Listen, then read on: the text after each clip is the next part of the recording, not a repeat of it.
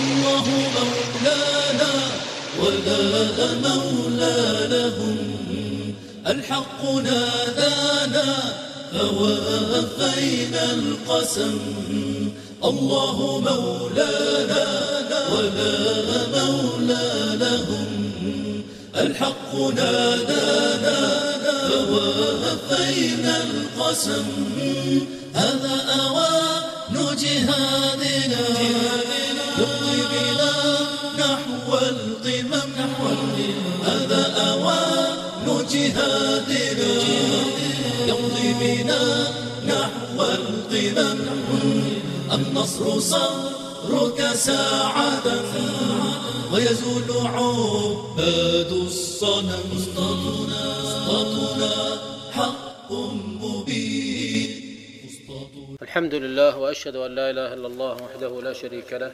وأشهد أن محمدا صلى الله عليه وآله عبده ورسوله. أما بعد فنجتمع الليلة. ونحن نترقب الأخبار عن هروب طاغية ليبيا بين الفينة والأخرى ولعلكم تعذروننا ان حنا وقفنا الدرس السيرة اليوم علشان المحاضرة لأن الأحداث ما شاء الله بالتتابع بسرعة أكبر من توقعاتنا بكثير. ولا ندري لعلنا كل اثنين جاينا بنسوي لنا محاضرة عن ثورة من الثورات. ونسأل الله سبحانه وتعالى أن يزيدنا من فضله. أنا فرح بما يحدث في ليبيا أكثر من فرحي بما حدث بمصر وتونس. طبعا من تحقيق المبادئ القرآنية والهداية الربانية وميراث الرسل الكرام عليهم الصلاة والسلام. غير أن واقع الأمة ليس بالضرورة دائما يحدث به هذا في مرحلة واحدة وفي قفزة واحدة. كلما خف الشر عن الأمة فإن ذلك يفرحنا. وقد علمنا الله سبحانه وتعالى هذا المفهوم في فواتح سورة الروم. إذ ربط بين فرح المؤمنين ويومئذ يفرح المؤمنون بانتصار الروم على الفرس إذ في ذلك نفع ولو بطريق غير مباشر لرسالة النبي صلى الله عليه وسلم. فهذا الفرح هو الذي يدفعنا لأن نقول إن خلاص الأمة من هذه الطواغيت الجاثمة على صدورها. سيفتح آفاقا جديدة وأبوابا جديدة للمشروع الإسلامي الذي لن يصل إلى غايته وأهدافه إلا عبر المراحل التي تقتضيها سنة الله سبحانه وتعالى الكونية والقدرية.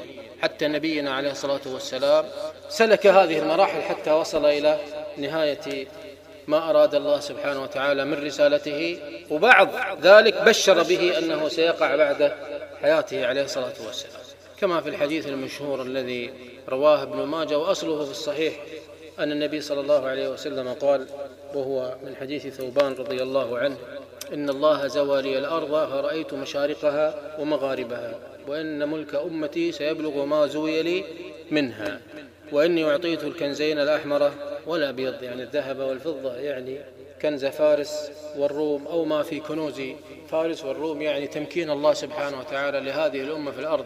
وأني سألت ربي أن لا يهلك أمتي بسنة عامة يعني مجاعة تأتي عليها فتنقرض وأن لا يسلط عليها عدوا من سوى أنفسها فيستبيح بيضتها. يعني يسلط عليها عدو فيمحيها كما حدث لأمم محيت بتسليط الأعداء. واندثرت وراحت. وإن ربي قال يا محمد إني إذا قضيت قضاء فإنه لا يؤمن. وإني أعطيتك لأمتك ألا أهلكها بسنة عامة وألا أسلط عليها عدوا من سوى أنفسها فيستبيح بيضتها. يعني هذه الأمة مبشرة موعودة من الله سبحانه وتعالى أن لا يستطيع عدو أن يقضي عليها. قد يضعفها قد يتسلط عليها حينا من الزمن. قد يبغي عليها الباغون ويطغى عليها الطغاة. ولكن لا يستطيع أحد أن يمحوها. ستبقى دائما فيها قوتها الكاملة وقدرتها على النهوض وفيها شعلة الثورة على الطغيان في جسدها وفي روحها. تبقى دائما عبر العصور حتى يأذن الله سبحانه وتعالى لها بالانفجار. حتى يكون بعضهم يقتل بعضا. يعني إن هذا قضاء الله أيضا إن يقع في الأمة داخلها من الصراع الداخلي ويقع فيها من النزاع الداخلي. والحقيقة الناظر في تاريخ الأمة أنها دائما كانت الله سبحانه وتعالى أعطاها قوة عجيبة جدا بحيث لا يمكن للخارج أن يتغلب عليها إلا إذا فقدت مناعتها بالصراع الداخلي أو بالخيانة الداخلية بصف النفاق. يعني بمعنى كالجسد الذي لا يستطيع الامراض أن تغزوه إلا إذا ضعفت مناعته. أما إذا هو في حالة المناعة يغلب كل اللي حوله. ولهذا الله سبحانه وتعالى حذر من صف النفاق وحذر من المنافقين في القرآن غاية التحذير بعد أن أمر الله سبحانه وتعالى باتخاذ القوة ورباط الخيل تنبيها منه سبحانه وتعالى على خطر هذا الخط. لكن النبي صلى الله عليه وسلم لما ذكر هذا الجانب المشرق في هذا الحديث ذكر أيضا أن الأمة هذه ستمر بها محن وفتن داخلية فهيأ الأمة لها.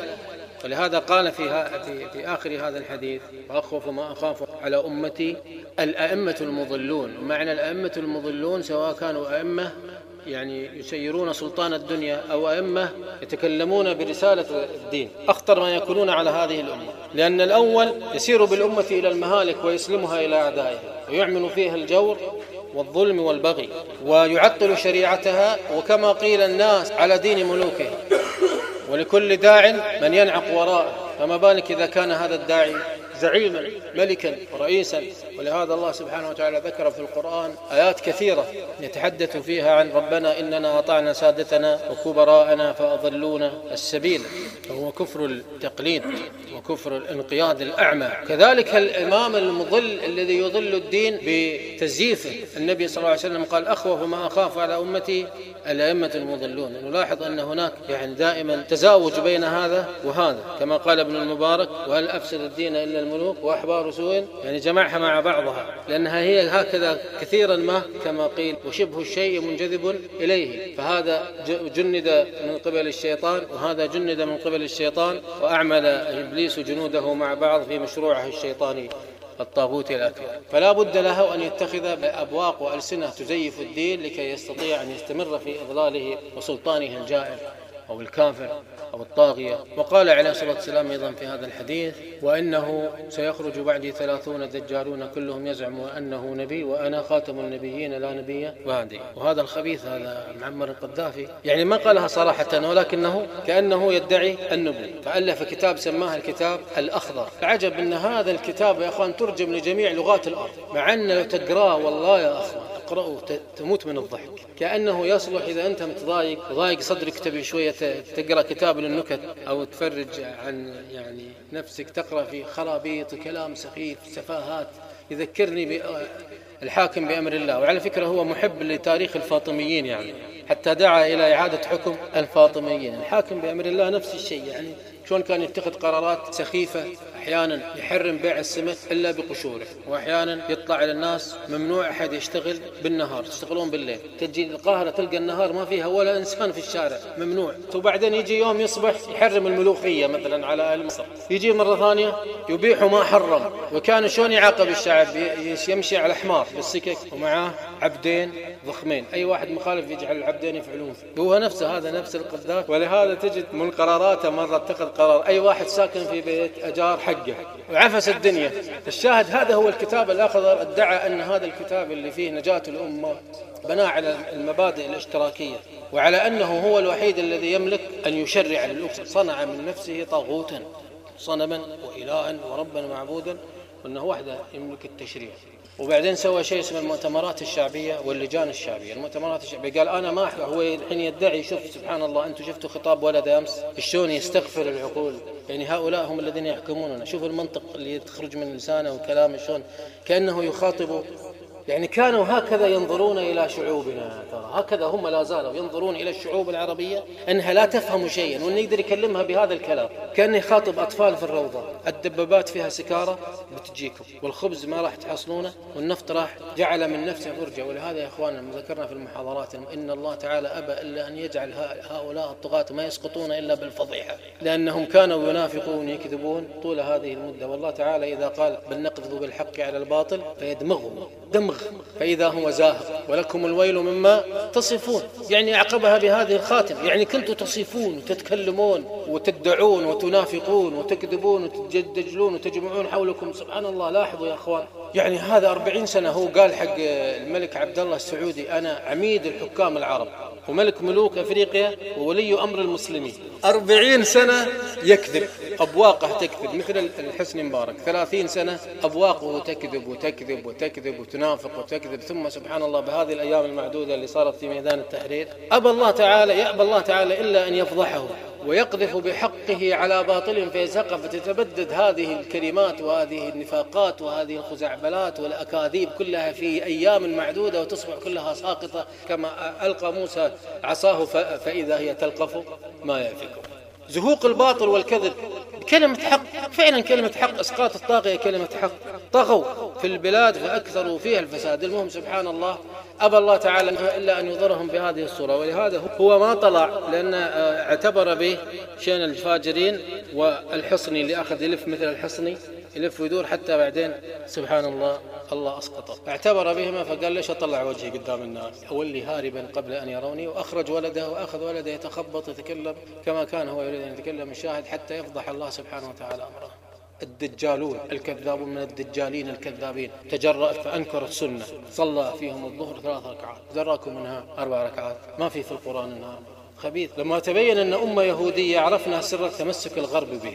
أصلا هو غامض من وين جاء؟ شلون هذا الملازم سنة 69 يحكم هذا البلد؟ وفترة حكمه كلها ترى يا إخوان 40 يعني 44 مليار يعني تقريبا يمكن نصف ثروة ليبيا بددها على ثورات آه، كفار وناس في أقاصي الأرض وجوع شعبه. ولما جاءت القضية الفلسطينية قال ليش نحرر فلسطين؟ خلي الصهاينة اليهود مع الفلسطينيين في دولة واحدة اسمها سلاطين وأخذ يتخبط في الكفر وفي الظلم وفي البغي وفي حكم المخابرات ختم النبي صلى الله عليه وسلم هذا الحديث العظيم بقوله ولا تزال طائفة من من أمتي على الحق يقاتلون الظاهرين يقاتلون حتى يأتي أمر الله. ومن هذا يا أخوان هذا الجهاد اللي في جهاد هذا جهاد في سبيل الله. علينا أن نجاهد الطغاة كما علينا أن نجاهد الكفار. وذيل الكفار. النبي صلى الله عليه وسلم أمرنا أن نجاهدهم. بل هذا من أعظم إذا كان كلمة الحق أمام سلطان جائر النبي صلى الله عليه وسلم قال أفضل الجهاد كلمة حق عند سلطان جائر. وقال سيد الشهداء حمزة. ورجل قام على سلطان جائر فأمره ونهاه فقتله. هذا الكلام فما بالك بالنهوض والقيام بالفعل؟ والتغيير باليد لإزالة مو سلطان جائر. هذا سلطان طاغية طاغوت كافر عدو الله عدو الإسلام. وهذه يا أخوان سبحان الله هذه الجملة هذه الجملة من كلام النبي صلى الله عليه وسلم دليل على بقاء الجهاد في هذه الأمة. وهذا الذي نراه هذه الأيام هو دلائل على بقائه. لاحظوا من الملاحظات العجيبة في الأحداث. أن الغرب بقيادة أمريكا لم يحب ما حدث بل كان يحب بقاء معمر القذافي. خاصة أمريكا وكا واندهشت يعني هذا يا إخوان يدلنا على أن عقلية المؤامرة التي كثير للأسف الشديد موجودة أكثر شيء في الوساطة الإسلامية.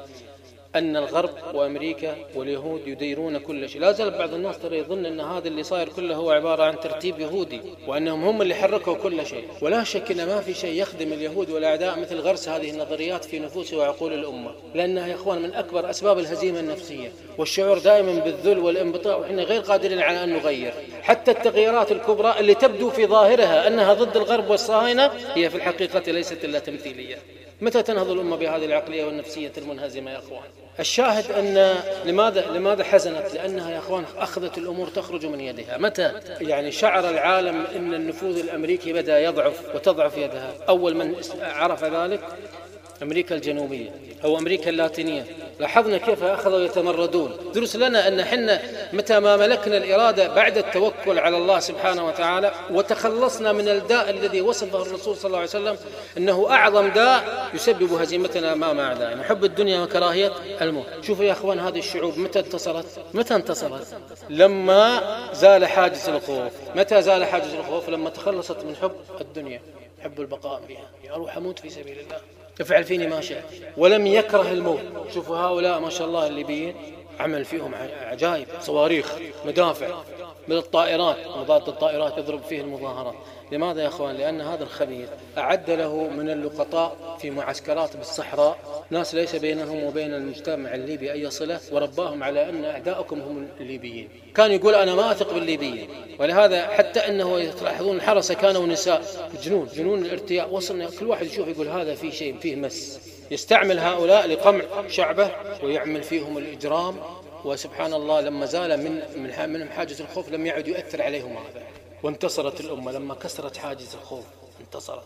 وهذا اللي ربانا الله سبحانه وتعالى عليه. ولهذا شوفوا الآية آيتان في القرآن أعظم سلاح للمؤمن. لا لا يهزم معه. قل هل تربصون بنا إلا إحدى الحسنين.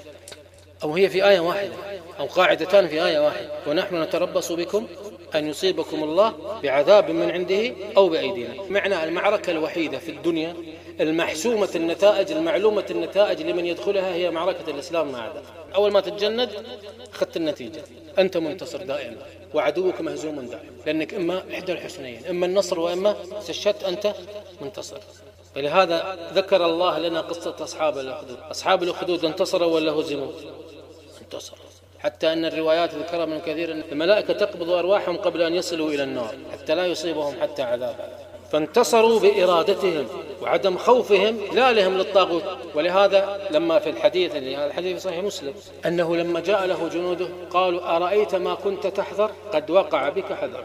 آمن الناس. هذا اللي حصل يا إخوان الحين. آمنت الشعوب.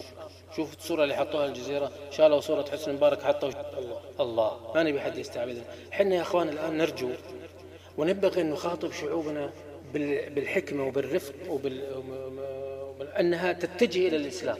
ما نحبطها ونلقي عليها أن ما صار شيء ما انتفعتم من هذا بشيء أنتم فاشلين.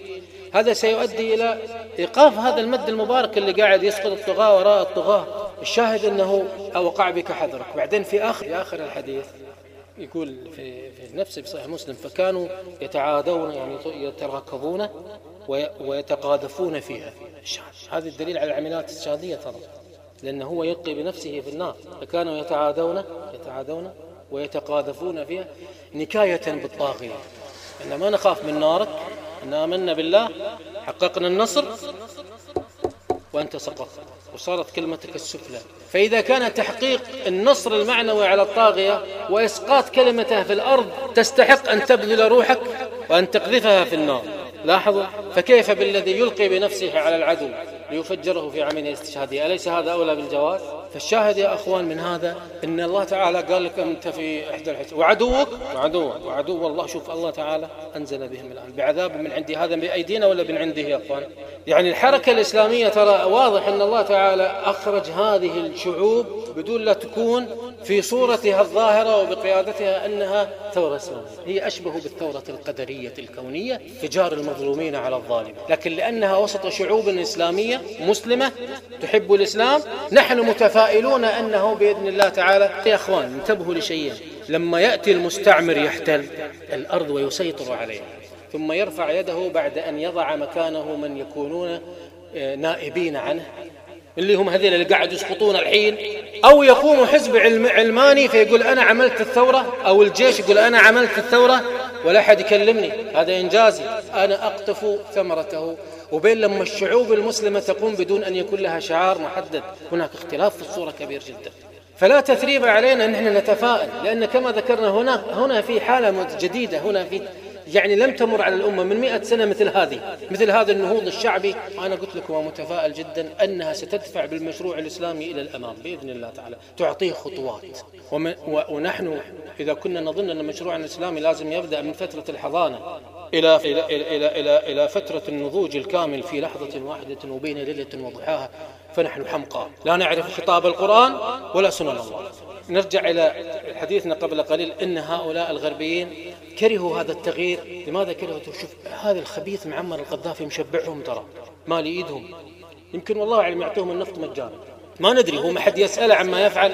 أنتم شفتوا هذا شين الفاجرين فتحوا بيته هذا في بيته شفتوا هذا؟ هذه الأموال عليها ختم البنك المركزي والألماس. في حد كان يسأل عم يسأله عما يفعل؟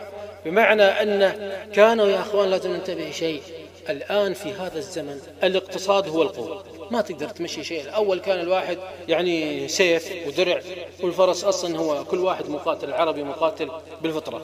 مع ذلك الله أمر بالإنفاق وقدم المال على على النفس. لكن الحين ما تقدر تتحرك ولا تسوي أي شيء أي عملية أي شيء. تبي تجمع لها إلا لازم شنو؟ المال. فكيف بأمة تريد أن تنهض؟ هذه لما يعبثون بثروة الأمة واقتصادها ويعطونها إلى أعدائها يقضون على الأمة. من اللي يقول الآن إن, إن هذا شيء سهل؟ الخيانة الآن في مال الأمة أعظم من أي خيانات أخرى. لأن الخيانة في مال الأمة يعني القضاء عليها مو أضعافها القضاء عليها. لأن الآن يا أخوان الاقتصاد هو الذي يسير العالم.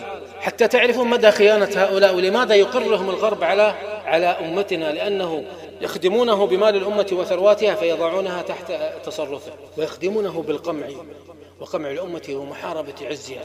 يربون شعوبا كالقطعان لا عز فيها ولا تطلع إلى العزة. يربونها على الذل وينزعون منها الكرامة. هذا الهدف هذا شغل صهاينة موساد وأمريكان وصليبيين ترى مرتب هذا منظم لهذه الأمة. لا يفعلونه في أمتهم لماذا لأن يريدون أمة؟ أمتهم أمة عزيزة. ما يرضون حد يسرق فيها. بينما لما جاءوا إلينا وضعوا هذه الأشكال معمر القذافي. ولهذا ما هو؟ مطالعة منهم مطالعة منهم أنهم يقولون شيء أن لا لا, تضرب شعبك اطلع. حتى كلمة تطلع ما قالوها. مطالعة منهم. لماذا يا أخوان؟ السبب لهذا؟ لأنه هو يعطيهم كل شيء ويرضيهم. الشيء الثاني لأنهم يعلمون أن الشعب الليبي غير سيترك وراءه حالة إسلامية قوية جدا يا أخوان. لاحظت شيء في, في, في الأحداث الليبية؟ فتاوى العلماء تستبق وجريئة. صادق الغرياني قال فرض عين. تمردوا طلع علماء ليبيا قالوا فرض عين. تمردوا مو بعدين يطلعون. ها؟ لما تخلص السالفة يجون. وينكم يا مشايخنا؟ أو بعضهم يقول المظاهرات حلال برا وحرام في بلدنا. شنو شنو التفريق على بلدك؟ يعني شنو؟ ما شاء الله الإمام العادل عندك أنت؟ في المقدمة هاي يدلك على يدلك على دور العلماء سيكون مهم جدا. اندهشوا من المشهد. وأنا متفائل جدا بهذا. شوفوا سبحان الله يا أخوان. والله تعالى أراد أن يزيد فضيحتهم حتى يكسر صورتهم يعني مثل ما صار في 11 9 قالوا وهم اعترفوا قال 11 9 ما أصابتنا في معنوياتنا وفي هيبتنا اللي كنا نصنعها. هذه كانت أهم من المعركة التي على الأرض. كانت هذه المعركة النفسية. يعرفون أن هؤلاء المسلمين إذا حكمهم ناس يؤمنون بالقرآن وبالشريعة وبالعزة والجهاد ما يقف أمامهم شيء ما يقف أمامهم شيء. يعني كلمة الله أكبر تحرق الأرض تثير الإعصار تقاتل تحت الراية اللي قاتل تحتها محمد وملائكة الله. راية الله أكبر كلمة الله أكبر. الشاهد يا أخوان أن يرتعبون منها غاية الرعب ولهذا ما تكلموا ولا كلمة ولذلك الأحداث حصلت بسرعة وأنا متفائل بإذن الله تعالى. الشيء الذي يا أخوان مو طبيعي. قرأنا التاريخ أنتم قرأتوا معنا. قرأت التاريخ الإسلامي قرأت التاريخ المعاصر قرأت تاريخ التوراة هذا شيء جديد. هذا شيء جديد. هذا كأن الله أنزل قضاء هذا النصر اللي الله يسقط الطواغيت. الأمة قدمت شهداء ترى. دماء أجساد تضحيات. ما جت عشر سنوات. العشر سنوات الماضية كلها كانت يا أخوان جهاد وضيق على الدعاء ضيق على الحرب على المجاهدين ملاحقة للأسماء بالتفاصيل كل شيء. إيش هذا الكلام؟ متى صار في التاريخ هذا يا أخوان. الأقمار الصناعية تراقب كل شيء تسمع كل شيء. كلها تبخرت في أيام لأنها يا أخوان عروش الباطل. يعني الباطل سبحان الله ليش الله قال فإذا هو زاهق؟ يعني التعبير هذا يعني بسرعة يعني بسرعة يسقط الشعب يريد إسقاط حناجر. سقطت الباطل وعرشه وهوت به. انحاشوا حبيب العدل الحين وين؟ حطوه في الزنزانة في العنبر مال الإخوان المسلمين. طلعوا الإخوان المسلمين برا. والحراس متعجبين إيش هذا شلون حصل هذا؟ تبادل العجيب. إرادة الله أشياء ربانية. الشاهد يا أخوان أن هؤلاء الأخبات الأعداء كارهين ما يحدث وخايفين ولعل هذه بإذن الله سبحانه وتعالى بداية نهاية الكيان الصهيوني فإن المبشرات بنهايته كثيرة جدا. المبشرات بنهاية النظام الإيراني والكيان الصهيوني حتى في الرؤى. وهذا سيكون قريبا بإذن الله تعالى. ولكن الأمة سيبقى عداءها التاريخي ومواجهتها التاريخية مع عدوها التقليدي كما قال الرسول صلى الله عليه وسلم الروم ذات القرون وإن كان في إسنادها ضعف لكن صحيح الشاهد والتاريخ يدل عليه وأن حروبنا وملاحمنا آخر الزمان حتى مع اللي يرفع قال عاش الصليب تعرفون الحديث الطويل اللي حديث الملاحم. أي الأمة قدر لها أن تكون هذا عدوها الذي لا تنتهي عداوته معه إلى آخر الزمان. لكن هذا لا يعني يا أخوان أنه ما في ذاك المعسكر اللي هو الروم أو البلاد الأوروبية أو البلاد الغربية. ما فيها حد يحب حضارتنا. ما فيها فوائد نستفيد منها. ما فيها أصدقاء للمسلمين. ما فيها ناس يؤمنون بالحق والحل إحنا نتكلم عن التنظيمات السياسية أو الإدارات السياسية والأنظمة السياسية الخبيثة وحتى أن أحيانا يكون فيها بعض الاستثناءات. لكن يقود هذا الخبث ثلاث دول خبيثة. أخبث أو أربع دول أخبث أربع دول. أمريكا خمسة خمسة. أمريكا بريطانيا الخبيثة فرنسا إيطاليا والفاتيكان. شفت الفاتيكان هذا ويكيليكس؟ طلع شفتوا هذه فضيحة؟ لما قال إن بالويكيليكس إن الأمريكان ينسقون سياستهم الخارجة مع باب الفاتيكان شخصيا الخبيث. حريص أن يطلع على الحرب الصليبية كيف يسير حالها مع العالم الإسلامي الشاهد أن الله سبحانه وتعالى إخوان في هذه الأحداث كما أسقط الطواغيت فضحهم أيضا. ما أراد الله أن يسقطهم وهم في يموت الواحد منهم. إحنا كنا نقول يا أخوان نسأل الله أن يميتهم يهلكهم صح؟ لكن الله في علمه كان لا يريد أن يميتهم. والله يعلم وأنتم لا تعلمون لا يريد الله تعالى أن يميتهم فيموتون بالجنازة الرسمية ويحطون صورهم وتاريخهم. لا أراد الله تعالى أن يميتهم في خزيهم وذلهم ولعنة كما قال ويلعنهم اللاعنون. ويلعنهم اللاعنون. كل مسلم يلعنهم ولا إلا هذه الجماعة اللي مدري من يفهم الجماعة المنبطحة هذه؟ ربع ولي الأمر. هذه الناس الأمة الناس كل العالم بروح وهم بروح. أنتم وين رايحين؟ ولا تعقلون؟ ما لقيتوا إلا هذيلا أرض خلق الله تدافعون عنهم وتنتسبون إليهم وتجعلون أنفسكم معهم وتردون ظهوركم على الأمة الإسلامية كلها. يا أخوة هذا دليل يعني السواد الأعظم ها الأحاديث. هذا دليل الدليل على أن هذا شيء يحبه الله أن الأمة الإسلامية فرحانة ولا لا؟ وهذه أمة محمد؟ ولهذا الرسول عليه وسلم قال من شذ شذ في النار. والله يا أخوان نسأل الله السلام. ولكن مع ذلك فيهم ناس مغرر بهم نسأل الله أن يهديهم. نعم إحنا نتكلم لماذا؟ لأن حرقتنا في قلوبنا على أنه حتى في وهائل الطواغيت تتهاوى وتسقط وتنفضح وتنكشف سوءتها. يبكون عليهم هذا شيء لا يحتمل. خلاص أنت أبصرت الآن. أبصرت. لا أريد أن أطيل عليكم. وشركت فيكم وغربت. صلى الله على نبينا محمد وآله وصحبه وسلم. جزاك الله خير. حياكم الله إيه، استقالت البعثة الليبية في الأمم المتحدة. وتدعو إلى تحرك عاجل ما علينا المهم. خلاص انتهى هو. ما انتهى ما. ما في